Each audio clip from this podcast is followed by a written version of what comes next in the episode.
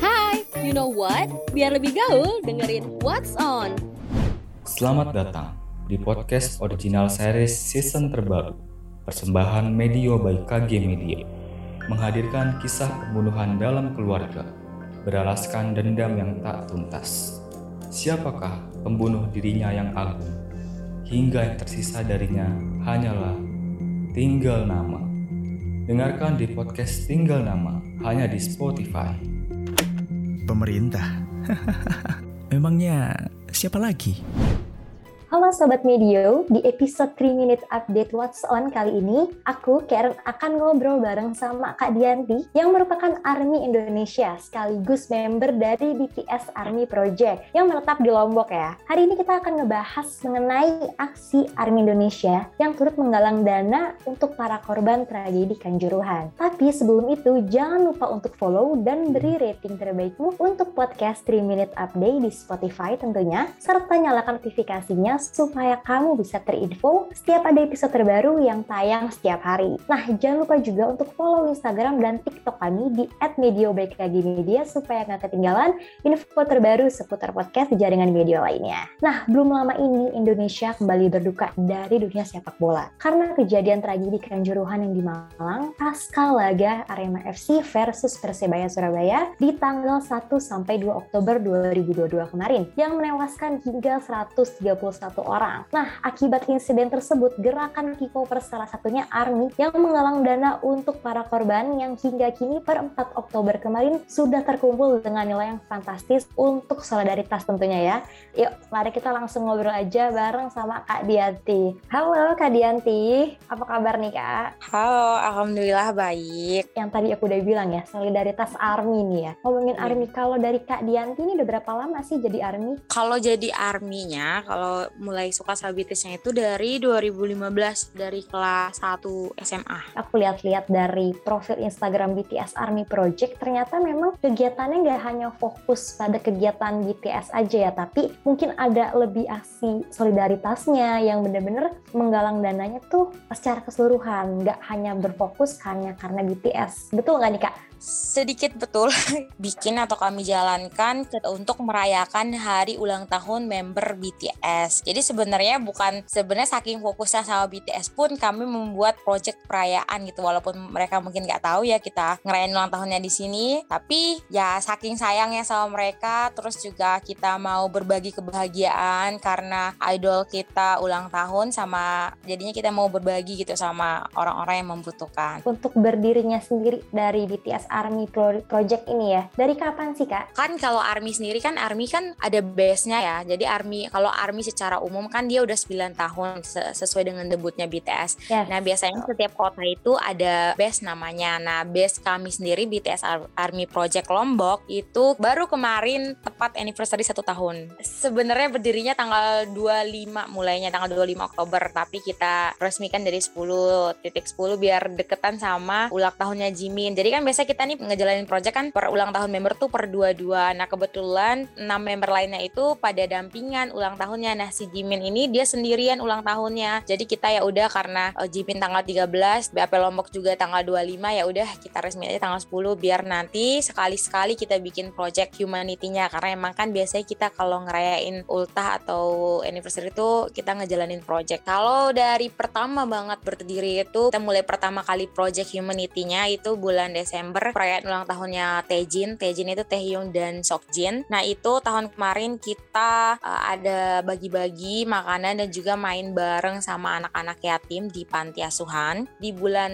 Maretnya itu dalam rangka ulang tahunnya Sope. Sope itu Suga dan J-Hope. Nah itu kita kerjasama kolaborasi dengan kelompok tani hutan di Sekotong di Lombok Tengah. Itu kita nanam 777 pohon untuk ulang tahunnya J-Hope dan Suga.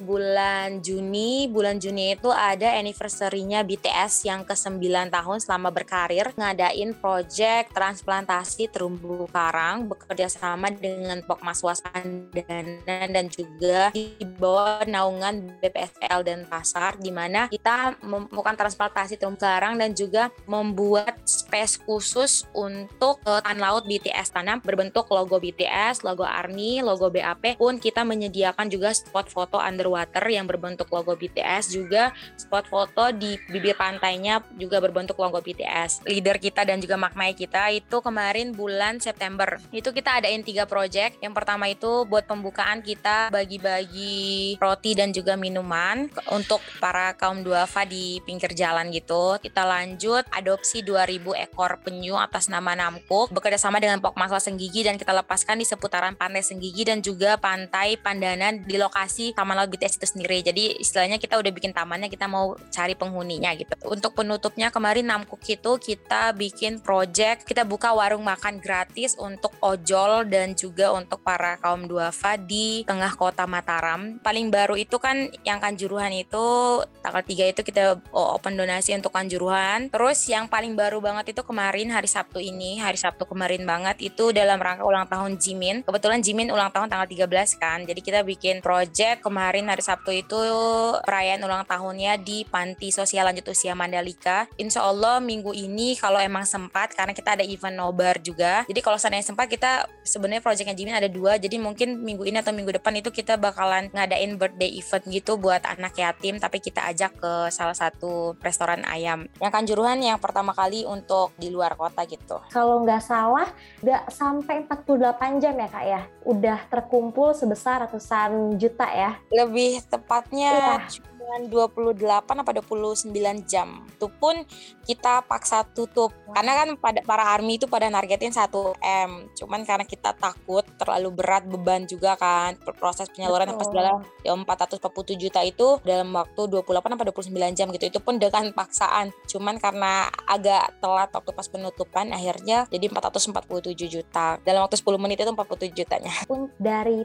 tim BAP ini ke para korban kanjuruhan ini gimana Kak? Jadi untuk Army sendiri ini per kota itu kan kita punya base. Jadi memang setiap kota itu ada pengurus karena kan Army ini bersebaran di kota mana pun. Jadi setiap kota itu ada pengurus termasuk kayak seperti kami salah satu base di kota di Lombok ada beberapa base malah bukan hanya satu kan tapi salah satunya kami. Nah kami yang mengurus yang di Lombok. Nah kemudian di kota-kota lain pun begitu. Nah jadi di Malang itu emang ada memang sudah ada base arminya jadi kita itu kerjasama sesama army baik di army Malang bahkan sekarang kita lagi dibantu sama army di Probolinggo dan juga Jombang untuk proses penyaluran di bagian sana. Jadi kita ini kan mengatasnamakan army Indonesia jadi yang jalan army juga. Cuman memang pihak BAP yang ngehandle di belakang. Tapi kalau untuk prosesnya dibantu sama tim Army Malang dan juga relawan di relawan Arema di sana di Malang. Ya biar soalnya kan kita sistemnya door to door ya. Jadi kita nggak pakai pihak kedua. Jadi memang harus Army sendiri yang menyerahkan uang dananya ke para korban. Jadi memang Army sendiri yang turun. Cuman memang ada tim yang mendampingi. Seperti tadi tak sebutkan ada tim relawan dari Arema relawan Malang Raya yang membantu seperti proses pendataan sama pendampingan aja ketika menuju rumah korban. Kan kita sistem penyaluran itu bertahap ya. Banyak sekali data-data yang masuk pun juga kita melihat sortir gitu siapa yang prioritas. Nah, prioritas kita saat ini adalah yang mengalami luka berat dan juga cacat. Untuk yang meninggal dunia pun memang tetap kami berikan bantuan dana. Cuman memang yang saat ini fokus tuh adalah kami ngejar istilahnya kita ngejar nyawa yang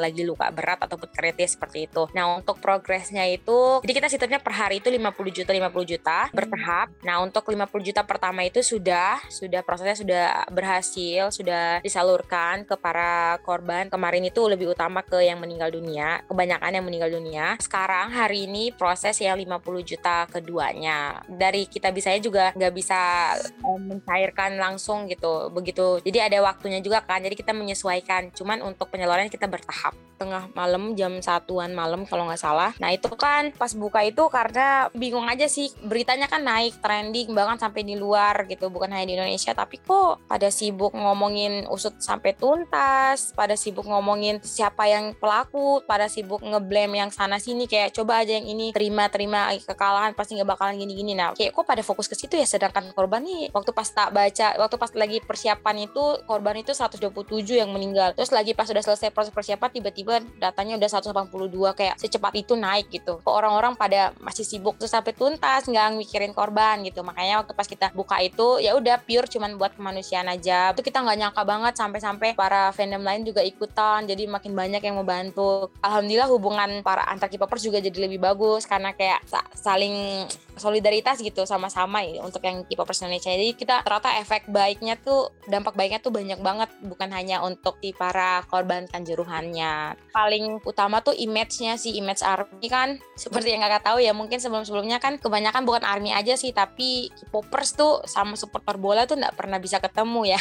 Apa pun klub sepak bolanya, apa pun fandom K-popersnya tetap susah dia ketemu. Mereka berdua ini dari dulu memang kayak gitu gitu. Bahkan dari aku SMP juga begitu begitu-begitu aja perasaan gitu. Terus berkat ini tuh jadi kayak terbuka mata para supporter bola bahwa K-popers Indonesia tuh nggak kayak gitu. Walaupun kita suka sama artis luar, bukan berarti kita nggak peduli sama tanah air kita sendiri. Dan akhirnya sekarang udah banyak yang mulai respect sama K-popers. Padahal kita juga K-popers nggak pernah ngerasa unrespect sama supporter bola gitu. Cuman alhamdulillah itu itu efeknya tuh kayak luar biasa banget untuk yang di Indonesia sendiri. Aku sempat baca hmm. lewat Instagram story-nya Luna Maya kalau dia tuh ada posting lewat kitabisa.com yang di mana itu iya. ada penggalangan dana yang dilakukan oleh BAP ini. Jadi kan kita kan beberapa kali sudah open donasi, beberapa kali kita udah open donasi, tapi nggak yang uh, skala besar. Biasanya kita targetnya 10 sampai 15 juta. Nah biasanya aku tolong dibantu, walaupun kalian nggak bisa bantu donasi, minimal bantu share. Nah aku tuh selalu tekanin caper ke selebgram atau artis yang army gitu. Nah terus ada satu orang yang lolos, ternyata dia lolos di repost sama Teh Luna Maya. Makanya pas begitu di repost sama Teh Luna Maya itu jadi lumayan banyak yang melihat. Terus juga jadi member lain tuh pada kayak gini, ih saya juga ah mau ah kayak iri gitu kan karena ada satu orang yang di repost sama Teh Luna Maya. Mereka pada ikut-ikutan. Terus banyak akhirnya beberapa yang repost termasuk Kak Alpi, Kak Audi Marisa. Terus ada juga beberapa kali mereka kan kirim screenshotan dilihat sama Kak Angga Aldi, dilihat sama Kak Raisa, dilihat sama artis-artis lain gitu banyak sih. Tapi yang yang pertama kali banget repost itu Kak Luna Maya, Kak Audi dan Kak Alfi. Harapannya dari project BAP ini tuh apa sih Kak untuk tragedi Kanjuruhan ataupun nanti aksi solidaritas yang akan datang di masa depan? Untuk yang project Kanjuruhan ya semoga target kita sesuai. Maksudnya kami kan pengennya banget dana yang tersalurkan itu tepat sasaran. Semoga bisa tersalurkan sesuai dengan rencana kita yaitu bergantung kepada urgensinya. Semoga bisa tepat sasaran. Kemudian juga semoga prosesnya aman-aman aja, nggak ada kendala-kendala yang lainnya. Kita juga pengennya cepat biar para korban juga bisa cepat mempergunakan dananya itu untuk berobat. Terus selain itu juga semoga nggak ada hal-hal lain yang menimbulkan karena kan ya banyak sekali nih ya mungkin yang trust issue takut nih dalam donasinya di gimana gimanain. Nah untuk itu kami udah berusaha banget gimana caranya semua prosesnya itu transparan bahkan diupdate melalui laman kita bisa pun tim kita bisanya juga ikut andil menjadi orang di balik layar. Jadi insya Allah untuk masalah kepercayaan kami juga berusaha banget buat pegang. Soalnya kan untuk aku sendiri untuk BAP sendiri itu kita bukan project terakhir ya. Jadi ada project Tejin kan. Jadi kita berusaha untuk menjaga kepercayaan orang-orang biar bisa ikut percaya. Ada project ada event. Berhasil ngadain dua project maka aku akan bikinkan satu event untuk senang-senang untuk happy-happy untuk buang beban buat para army yang sudah membantu dalam proses pelaksanaan project. Termasuk seperti sekarang kemarin kita itu bikin project Namco kan udah tiga sama Jimin satu jadi udah empat project. Nah besok kita bikin event nobar itu buat senang-senangnya. Nanti setelah selesai nobar kita lanjut lagi project. Nanti ada lagi eventnya jadi seperti itu. Bahkan kita setahun ini kita udah 10 project humanity dua project biasa sama 5 event. Jadi dalam waktu setahun tuh udah 17 semoga tahun depan walaupun mungkin nggak bakalan seaktif sekarang tapi setidaknya bisa tetap membuat project humanity yang bisa berguna untuk banyak orang. Izin dikit tadi untuk yang project Kanjuruhan itu mau menegaskan saja kalau itu projectnya milik Army Indonesia. Cuman memang inisiator pertamanya adalah BTS Army Project Lombok gitu. Tapi itu milik Army Indonesia. Kita nggak mengklaim kalau itu project pribadi base kami. Karena kan kita bawa nama Army jadi biar nggak ada terjadi kayak gimana-gimana nggak ada yang merasa tinggalkan. Jadi kita usahain kalau mau bikin tagline itu ini adalah projectnya Army Indonesia. Kami cuma inisiator saja seperti itu. Oke berarti memang project Army Indonesia ini yang turut iya. menggalang aksi dari tragedi Kanjuruhan yang diinisiatori oleh BAP ini. Oke keren banget dari Kadianti dan tim di AP semuanya. Sekian podcast 3 Minute Update What's On kali ini. Thank you Kak Dianti udah ngobrol-ngobrol pada kesempatan kali ini. Jangan lupa untuk follow at Medio by KG Media dan Instagram BTS Army Project at btsarmy.project underscore lombok atau jika kamu mau kasih saran atau kritik boleh banget lewat email kita di podcast at kgmedia.id dan dengarkan terus podcast 3 Minute Update di Spotify tentunya jangan lupa untuk tungguin episode What's On lainnya hanya di 3 Minute Update Update. Sampai jumpa minggu depan. Cie, yang udah jadi anak gaul nih. Bye-bye, Kudet.